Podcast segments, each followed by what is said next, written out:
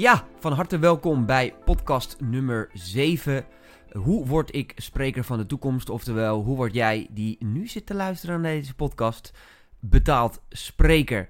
Um, en ja, het, dat het onderwerp onwijs uh, actueel is en dat er erg veel mensen zijn die, uh, die graag het sprekersvak in willen. Dat uh, blijkt elke week wel weer uit mijn, uit mijn inbox. waar we echt gewoon overspoeld worden door, door mensen die het sprekersvak in willen. En ja, stuk voor stuk allemaal met hun eigen verhaal en met hun eigen interesse, met hun eigen invalshoeken. Uh, en toch merk je dat het vaak toch dan lastig is voor die mensen om, uh, ja, om de stap te maken om ook daadwerkelijk betaald spreker te worden met hun, uh, met hun passie. Nou ja, omdat wij dus niet iedereen kunnen helpen, maar wel iedereen graag willen helpen, is deze podcastserie ook, ook bedoeld. En deze aflevering van deze podcast gaan we het hebben over hoe bepaal ik mijn fee. We hebben al behoorlijk wat stappen gemaakt in de zes voorgaande, voorgaande podcasten. Maar nu gaan we eigenlijk, voordat we de markt opgaan, moeten toch eens gaan bepalen van ja, wat gaan we nou eigenlijk vragen voor, uh, voor ons aandeel op een congres of een seminar. Uh, en dat is een heel interessant onderwerp, want er gaan nogal wat fabeltjes over rond. En ik wil daar gewoon heel helder met jullie over zijn, want het is erg belangrijk om al vanaf de start daar gewoon goed inzicht in te hebben. Nou, dat deze podcastserie een, uh, een succes is, dat is wel duidelijk. we hebben natuurlijk op 5 september organiseren we in het verlengstuk van deze podcastserie een masterclass bij, bij AVAS. Dat doen we, uiteraard ben ik daar een van de sprekers die het gaat hebben over de marketing. Niels Houtenpen komt daar spreken over meer over stage presence. Hè? Hoe ga je je op het toneel verbeteren? Hoe ga je daar een vervolgstap in maken? En uh, de CEO van Avas, Bas van der Veld, die schuift ook aan als, uh, als grote gastspreker. en dan meer in de rol als opdrachtgever. Hè, hij is toch wel iemand die onwijs veel sprekers op jaarbasis boekt. Waar let hij nou op? Waar kijkt hij nou naar als hij een keuze gaat maken bij, bij het boeken van een spreker. Onwijs interessante seminar. Ik moet wel heel eerlijk, eerlijk zeggen, we zijn rammen uitverkocht. We hadden eigenlijk ehm, verwacht dat met een heel klein groepje te doen. een 10, 20 man, maar uiteindelijk zijn het er wel een stuk meer geworden. We zitten nu ruim tegen de 50, 60 personen aan. daar willen we het ook eigenlijk bij laten, omdat we wel die intimiteit ook willen houden.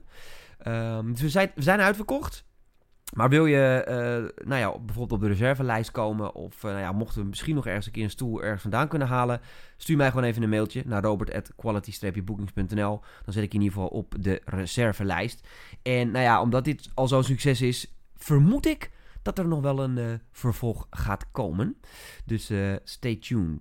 Um, hoe bepaal ik mijn fee? Hoe ga je bepalen wat nou eigenlijk je salaris gaat worden, of je, je gage gaat worden? Ehm, met jouw spreekbeurt, met jouw dagvoorzitterschap, met je workshop, met je training. En, en in dit opzicht is de sprekerswereld een echt een gekke wereld. uiteindelijk is de sprekerswereld toch een verlengstuk van de entertainmentwereld. En eigenlijk nergens in de entertainmentwereld worden de gages betaald die in de sprekerswereld worden betaald. Uh, neem bijvoorbeeld de muzikantenwereld. Uh, neem, neem, neem, de stand-up comedywereld. Neem de musicalwereld. De, theaterzien. Daar zijn de gages toch ja, echt stukken, stukken lager dan dat in de sprekerswereld wordt, uh, wordt gehanteerd. En waarom is de sprekers zo'n gekke wereld? Is omdat in de muzikantenwereld, als je daar, nou ja, hoe heet dat, uh, niet bekend bent. Laten we het daar even op houden. Je bent niet bekend bij het grote publiek, maar je bent wel gewoon een talentvolle muzikant. Dan moet je zeker niet te veel gaan vragen. Want als je te veel vraagt, dan prijs je jezelf al erg snel uit de markt. Maar in de sprekerswereld is het eigenlijk omgedraaid. Als je niet bekend bent, beginnend, uh, niet bekend bij het grote publiek, maar je wil wel de markt in, dan is te weinig vragen weer eigenlijk helemaal niet verstandig, want dan word je vaak niet serieus genomen. Want als je veel te weinig vraagt of veel minder vraagt dan andere sprekers, dan wordt er al gauw weer gedacht van ja, dan zal het wel niks zijn. Want hè, als je niet genoeg geld kan vragen, dan kan het ook niet iemand zijn die echt iets toe gaat voegen aan ons programma, die echt professioneel is. En dat is echt totaal omgekeerde wereld van hoe dat in de muzikanten- en de musicalwereld gaat. Want daar is het precies andersom. En waar je in de, in de muzikantenwereld en in de, in de artiestenwereld als beginnend artiest al blij mag zijn met 200, 250 euro op een avond, is het in de sprekerswereld heel gebruikelijk om te beginnen met een gage van 1500 euro. Wat op kan lopen in Nederland tot zo'n 15.000 euro. Dat zijn wel een beetje de, de, de, de, de, de, de spanningsvelden waar er tussen zit. Hè. Een beginnend, uh, beginnend spreker zit een beetje vanaf van 1500 euro. Um, en de absolute topsprekers gaan echt niet over de 15.000 euro in, uh, in Nederland heen. En dat is wel grappig om even te vergelijken ook met, uh, eh, met de, de, de, de, de rest van de wereld. Als je bijvoorbeeld kijkt naar België, onze buren, daar is de sprekersmarkt weer veel uh, onvolwassener. Daar ligt het weer veel meer tegen de muzikantenwereld aan. In Nederland, eh, of in België mag je af en toe nog blij zijn als je een boekenbon en een, en een fles wijn krijgt. En, en, dat is serieus zo. Dan lopen de gages wel steeds wat meer, wat meer op. Maar daar, ja, dan mag je met een paar honderd euro nog steeds in je handen knijpen. Maar als je dan gaat kijken naar de rest van Europa, de Scandinavische landen, uh, hoe heet dat, uh, en ook de, ook de UK bijvoorbeeld, daar zijn de gages, liggen gages alweer veel hoger. En daar is het gemiddelde gage van een, van een nou ja, laten we het even een gemiddelde spreker noemen, ligt al gauw op de 10, 15.000 euro. Waarbij, bij, waarbij ons, dat, ons plafond is, is het daar het gemiddelde gage. Maar ga je nog veel verder, bijvoorbeeld naar Amerika, daar beginnen de gages pas vanaf 10, 15.000 dollar. Dus daar uh, word je pas serieus genomen als je een 10, 15.000 dollar gaat vragen. En dat is echt heel bizar. Dus waar het bij ons eindig, eigenlijk eindigt, daar begint het in Amerika pas.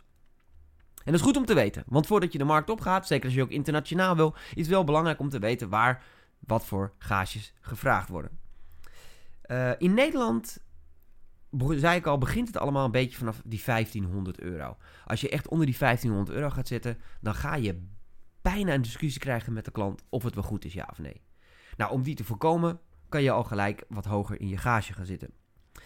Maar er zit in Nederland een soort psychologische grens op de 5000 euro.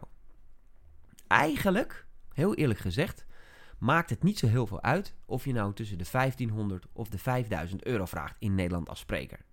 Of je nou een beginnende spreker bent, of je nou een gevorderde spreker bent. In Nederland heb je niet superveel discussie met goede klanten. Laat ik het daar even over hebben. Ik heb het nu even over de gemiddelde corporate klant. Ik ga straks ook in op alle uitzonderingen. Maar de gemiddelde corporate klant is gewend om tussen de 1500 en de 5000 euro te betalen voor een spreker. Ga je daarboven, dan ga je toch wel een psychologische grens over. En die psychologische grens die is toch wel bedoeld aan echt de Champions League van de Nederlandse sprekerswereld. Dat zijn echt de grote jongens die, veel, die bekend zijn, die uh, veel lezingen doen en die ook onwijs veel gevraagd worden. Ga je over die 5000 euro heen, dan zal je zien dat je ook eens wat klanten zal gaan kwijtraken. Uh, maar ja, dat is dan de afweging die je wil maken, omdat niet iedere klant boven die 5000 euro kan vragen. Uh, en uiteraard de volgende psychologische grens is weer die 10.000 euro. En dan kom je wel echt in de high-high-end van de Nederlandse sprekerswereld. Maar dat is in Nederland echt maar een handjevol die, uh, die dat voor een, uh, een doorsnee lezing krijgen betaald. Uh, nou ja, goed, Nederland is ook wel een beetje de afgelopen jaren daarin een, een beetje een koeienmarkt geworden. Daar ga ik het zo meteen ook over hebben. Ja, ik zeg altijd een beetje gekscherend koeienmarkt, maar het is een beetje, een beetje handjeklap. Hè, sinds de crisis zijn er toch steeds meer sprekers geweest die concessies zijn gaan doen op hun gages. Begrijpelijk. Want het was een moeilijke tijd. We hadden allemaal werk nodig. We wilden geld verdienen. Dus ja, in de onderhandelingen stonden bedrijven best wel sterk. Dus die zijn gaan uitonderhandelen. Maar dat sentiment is nog steeds wel een beetje blijven hangen in Nederland. Bedrijven weten inmiddels. Eh, voor de crisis kon je bij artiesten en sprekers kon je echt niet onderhandelen. Had je gewoon een fixed fee en daar moest je het als klant gewoon mee doen. Maar door de crisis zijn ze gewoon gewend om een beetje te gaan uitonderhandelen. Die, dat sentiment zit er nog in het begint wel weer langzaam te verdwijnen, omdat steeds meer sprekers het heel erg druk weer hebben. Maar je merkt nog steeds wel dat klanten uh, het altijd proberen. Uh, nou ja, om toch een voordeligere fee te krijgen. En daarom is juist dat zakelijke instinct, dat, dat onderhandelen, onwijs belangrijk geworden. Zeker in je, in je sprekerscarrière. Nou, laten we eerst eens even beginnen, uh, beginnen met een beginnende spreker. Met wat voor gage ga je nou beginnen met je sprekerscarrière? Want uiteindelijk heb jij straks, uh, heb je als goed is in de voorgaande podcast allemaal uh, dingen voor jezelf bepaald. Wat je doelstelling is, waarom je het vak ingaat. Uh, wat de vorm gaat worden die je in de markt gaat zetten. Hoe je jezelf als merk in de markt gaat zetten. En uiteindelijk gaat die telefoon een keer. Zolang je maar alle tips doet die ik je vertel in mijn podcasten. Gaat de telefoon een keer. En dan moet je toch eens een keer een gage noemen. En dat is soms best wel lastig, zeker voor beginnende sprekers. Vooral omdat ze vaak niet weten wat dan de gages zijn die, uh, die ge, uh, normaal gesproken gevraagd gaan worden. Nou, daarvoor deze podcast. Daar ga ik je vandaag helemaal bij helpen. Um, wat heel erg belangrijk is bij het bepalen van je gage, is toch wel weer, en dan ga ik, kom ik weer even terug op eerdere podcasten, is de doelstelling waarom je, uh, of, ja, waarom je wil gaan spreken en wat je uiteindelijk wil gaan bereiken. Dat is onwijs belangrijk, want bijvoorbeeld, wil je echt gaan leven van van spreken. Dan heb je een totaal andere doelstelling als je bijvoorbeeld het er af en toe eens naast wil doen, omdat je het gewoon leuk vindt om op een podium te staan. ik krijg ze genoeg op kantoor, de wereldverbeteraars, mensen met een missie, die echt de wereld overheen willen en zeggen van, joh, ik wil mijn verhaal kwijt. Het is een andere doelstelling, het is een ander resultaat, past ook een ander gaasje bij. Of ben jij zo'n spreker die zegt, joh, ik doe het gewoon één of twee keer per maand. En daar haal ik mijn lol uit. En dat vind ik meer dan genoeg. Ik heb ook nog een fulltime job. Maar ik vind het gewoon leuk om, uh, om voor het publiek te staan en mijn passie voor mijn vak te delen met mensen. Is een totaal andere doelstelling, past een ander gaasje bij. Stem daar dus je fee op af. Want wil je ervan leven, wil je dit echt je vak gaan laten zijn, reken dan voor jezelf uit hoeveel je wil gaan verdienen per jaar. Van welk bedrag word jij nou per jaar gelukkig? Ik heb dit ook al in uh, voorgaande podcasten benoemd. Maar dit is onwijs belangrijk, want als jij weet wat je per jaar wil gaan verdienen, dan weet je hoeveel spreekbeurten je moet doen en dan weet je ook wat voor fee je wil gaan vragen. Is het gewoon je gage en uh, wil je het af en toe eens je verhaal gewoon kwijt? Ja joh, ga lekker aan de onderkant van de markt zitten. Dan weet je in ieder geval zeker dat de fee nooit een breakpunt gaat zijn om, om jouw missie te volbrengen. Maar ben jij zo'n typische spreker die de wereld wil gaan veroveren, die internationaal wil gaan? Nou, ik heb je net verteld wat de fee range is. Hè? Zeker als je de kant van Amerika op wil gaan, dan ga je toch richting de 10, 15.000 dollar uh, om te beginnen. Nou, stem daar dan alvast je gage op af. Durf ook, als jij die nu zit te luisteren het gevoel hebt van, joh, ik wil die wereld over, durf dan ook met een volwassen gage te komen. Durf ook gewoon al gelijk een goed gage te vragen. Uh, ik adviseer altijd dit soort type sprekers die echt zeggen: Ik wil een broodspreker worden, ik wil de markt op, ik heb een missie, ik ga boeken schrijven, ik ga echt een claim maken over een bepaald onderwerp en ik heb zo'n ontzettende uh, baanbrekende visie daarop, ik moet de wereld over. Hé hey joh, maar uh, tof, doe het, ga ervoor, maar durf dan ook een volwassen gage te vragen. Begin dan gewoon in Nederland vanaf 2.000, 3.000 euro. Durf dat dan ook gewoon te vragen. En desnoods maak ook alvast staat mooi voor je imagebuilding, al gages voor, uh, voor internationale klussen. Dus stem je gage vooral af. Kijk, de, band, de bandbreedte, zeker bij beginnende sprekers, ik zeg altijd begin vanaf 1500 tot een 5000 euro. En, uh, en durf daarin ook gewoon ja, je doelstelling centraal te stellen. Wat wil jij gaan bereiken? En pas daar je gage op af. Ik denk dat je zelf wel weet van, joh, hey, als ik dit twee keer per week wil doen, nou ja, of twee keer per maand of twee keer per jaar, uh, wat voor gage daar dan uh, passend voor is. Maar durf dat gage dan ook gewoon te vragen. Nou, een ander ding waar ik veel vragen altijd over krijg en waar veel gekke uh, verhalen er rond in gaan, is over gratis optreden. Is het gepast om een keer voor niks een lezing te geven?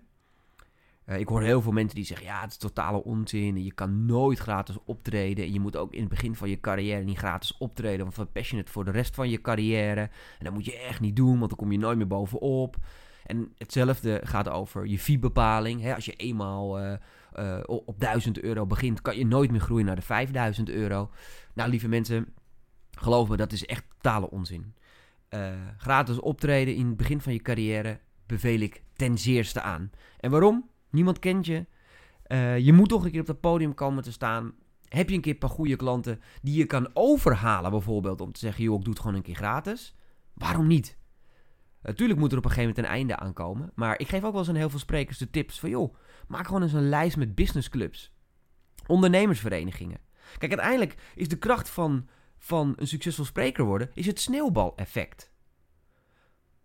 Dat is de reden waarom vaak sprekers in Nederland ook zo lang kunnen optreden. Is omdat als jij toch iedere dag voor een zaal met 300 nieuwe bedrijven je verhaal doet. En het is goed. Want laten we daar even van uitgaan. Je verhaal is sterk. Je raakt de zaal.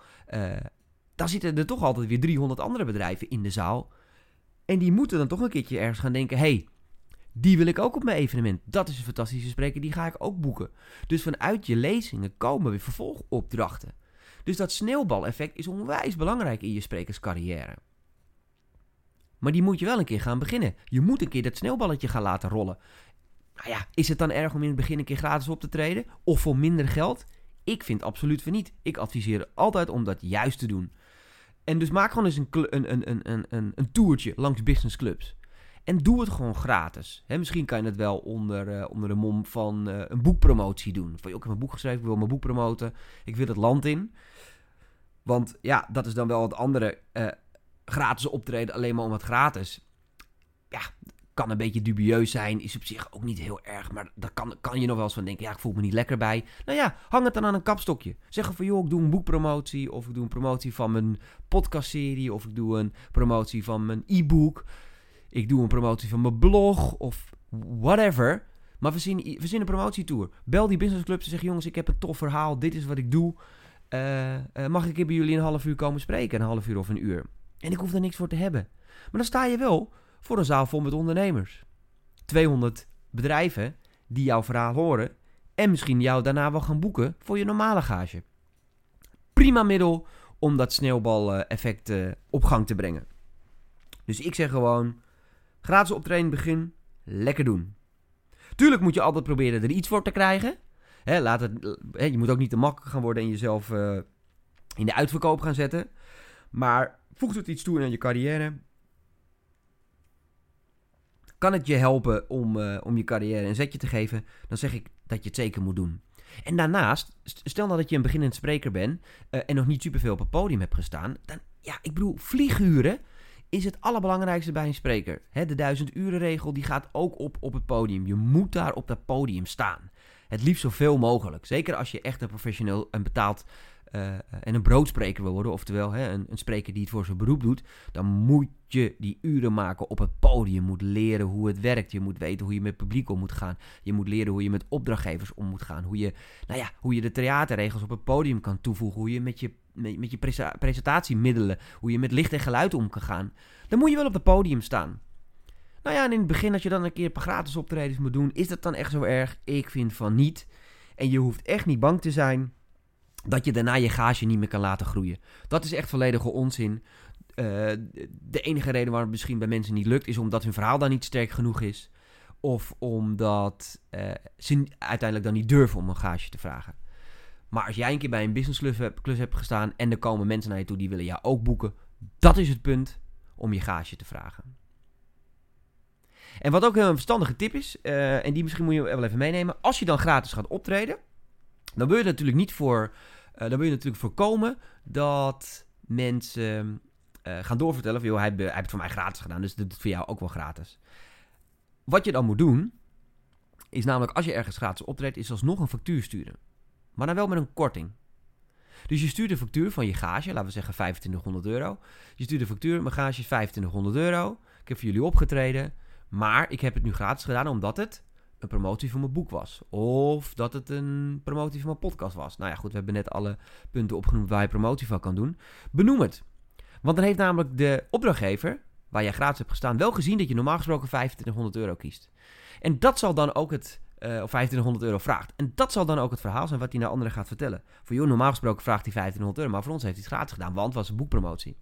Als die klant dan vervolgens naar je toe komt, hey joh, kun je je boek bij mij ook nog promoten? Dan kan je zeggen, joh, ik heb een select... Uh, aantal optredens gedaan voor mijn boekpromotie. Maar hierna, hè, zoals je weet, mijn je 1500 euro, die ga ik gewoon vragen. Niemand die daar gek van zal opkijken. Dus ga gratis optreden en laat je gage groeien. Uh, dat, dat, dat, is eigenlijk hetzelfde ook met het punt van, joh, moet je dan in het begin van je carrière heel veel of heel weinig gaan vragen? Want als je heel weinig vraagt, is het heel moeilijk om je gage te laten groeien. Totale onzin. Kijk, uiteindelijk is het ook een vraag- en aanbodverhaal. Op het moment dat jouw verhaal aanslaat en meer mensen willen je gaan boeken, dan zal je uiteindelijk ook je gage kunnen gaan laten groeien. En als jij een typische spreker bent die zegt van joh, ik hoef niet 300 keer per jaar te staan, uh, liever 100 keer, maar voor een beter gage. Nou ja, weet je, dan laat je toch langzaam je gage groeien. groeien. Wij hebben wel eens een spreker in uh, anderhalf jaar tijd van een gage van uh, 24,95 laten groeien naar een gage van 43,95. Vraag en aanbod. Hè, deze spreker werd ineens super populair, werd heel veel vraag naar. Dus ja, dan kan je ook je gage gaan laten groeien. Maar wees ook niet bang, en dat is een interessant punt, om op een keer op een dag, laten we zeggen, je hebt een keer een jaar dat je wat minder uh, boekingen hebt, om je gage weer wat naar beneden bij te stellen. Dat is helemaal niet ergens niemand die daar gek van kijkt. En er wordt nog wel eens moeilijk over gedaan. Maar uiteindelijk moet je je, moet je je emotie en je ego daar ook los van laten staan. Uiteindelijk is het ook gewoon een business. En als je product een keer niet, wat, uh, niet zo goed loopt, ja, en je zal eens een keer wat partijen van een product weg moeten doen voor een, uh, voor een eh, andere fee, dan moet je daar, vind ik, ook helemaal niet eh, bang voor zijn. En datzelfde geldt ook voor een sprekersfee. Heb je een keer een slecht jaar? Nou, schakel hem toch wat naar beneden. Of geef je toch eens een keer een, een korting weg. Maar, en dan wil ik nogmaals even benadrukken. Altijd als je een korting geeft op je sprekersopdracht, koppel daar altijd een reden aan vast. Ga niet zomaar met kortingen strooien. Dat is, dat is, dat is uh, niet goed. Dus zet dan altijd op de factuur, en dat is heel erg belangrijk, zet altijd op de factuur de reden waarom je die korting geeft. Nou ja, we hebben net al een aantal redenen bepaald. En al is de reden maar uh, uh, dat het een promotioneel optreden is, of dat je het een belangrijke zet vindt in je carrière, zet dat op je factuur. Maar beargumenteer altijd waarom je korting geeft.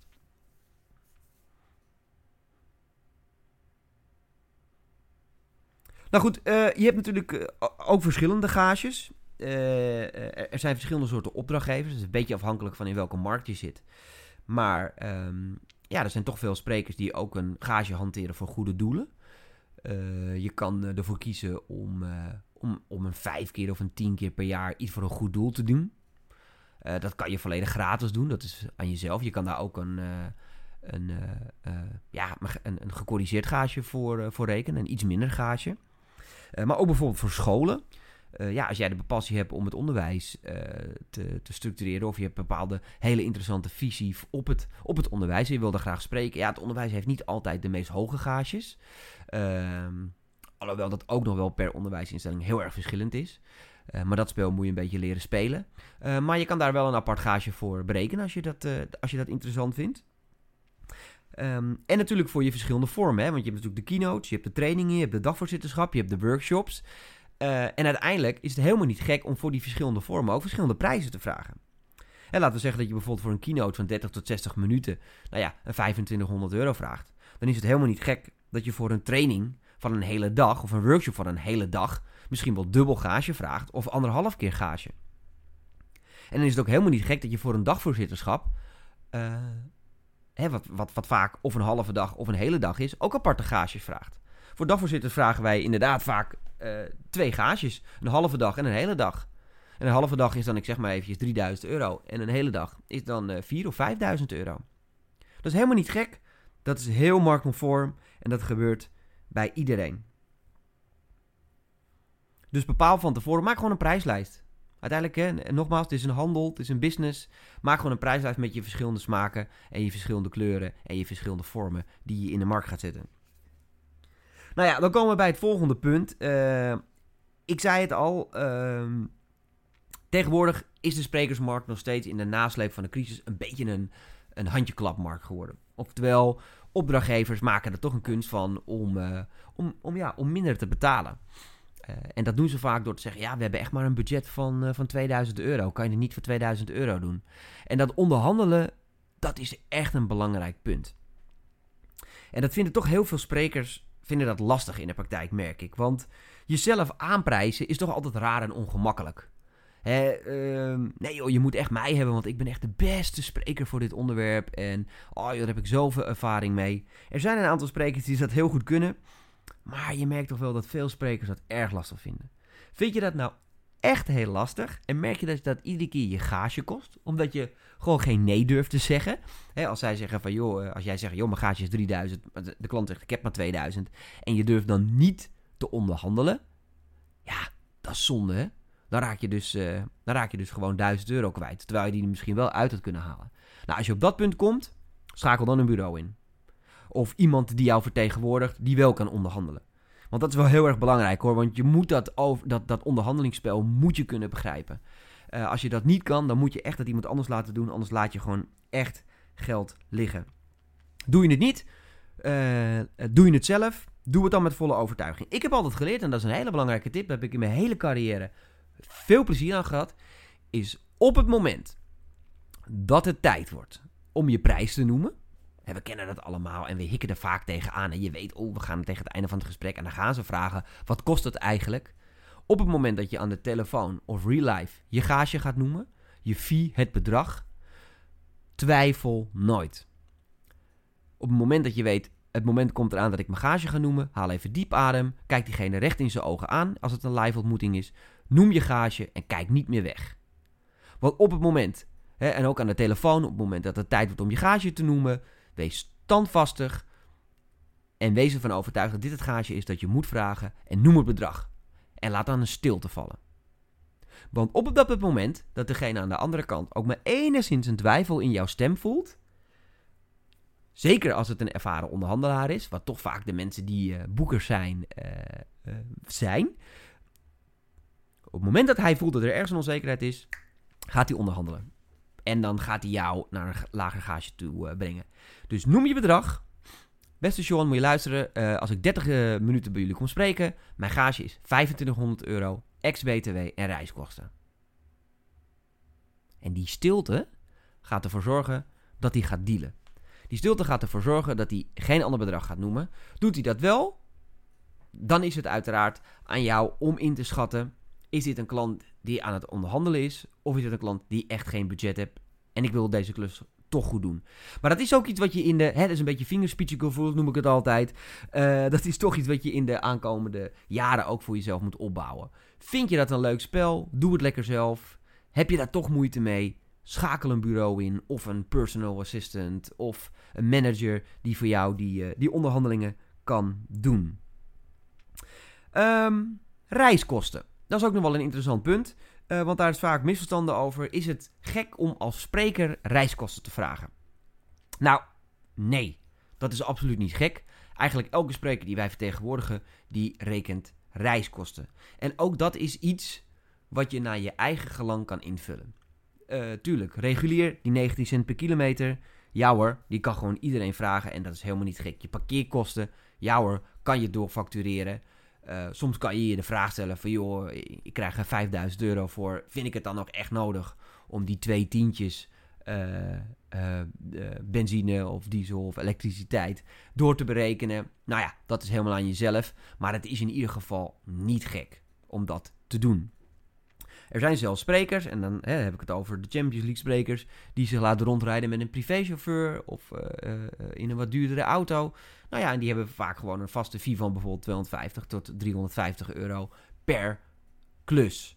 Als je dat van tevoren gewoon transparant communiceert, is daar niks geks aan en is, daar ook, uh, is dat ook gewoon heel normaal om, om dat te vragen. Veel klanten die vragen ook altijd om een werkbespreking. Oftewel, kunnen wij van tevoren even contact hebben met de spreker uh, om het een en ander met elkaar af te stemmen?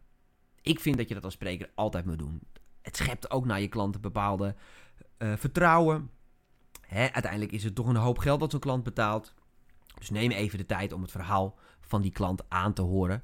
En wellicht kan je er ook nog echt wat mee om je verhaal naar, uh, naar het bedrijf op maat te maken.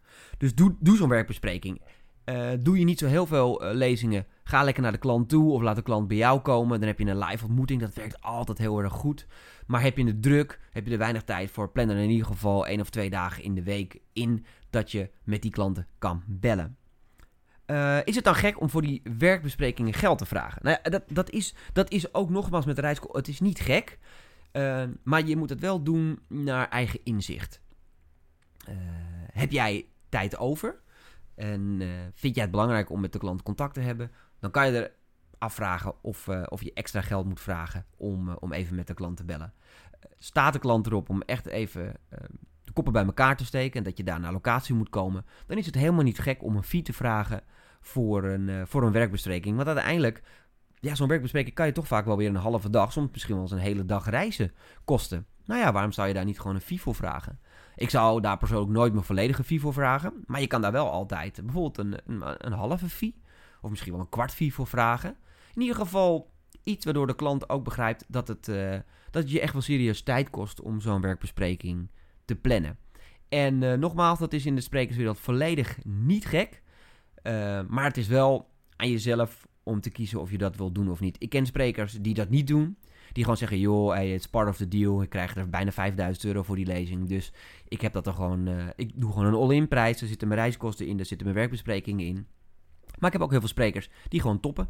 Die zeggen, joh, mijn, uh, mijn, mijn basis is 4000 euro. En alles wat ik extra moet doen, uh, daar reken ik gewoon kosten voor. Ik reken parkeerkosten, ik reken rijkosten, ik reis, regel uh, rekenkosten voor, voor werkbesprekingen. Nou ja, dat is aan, aan ieder.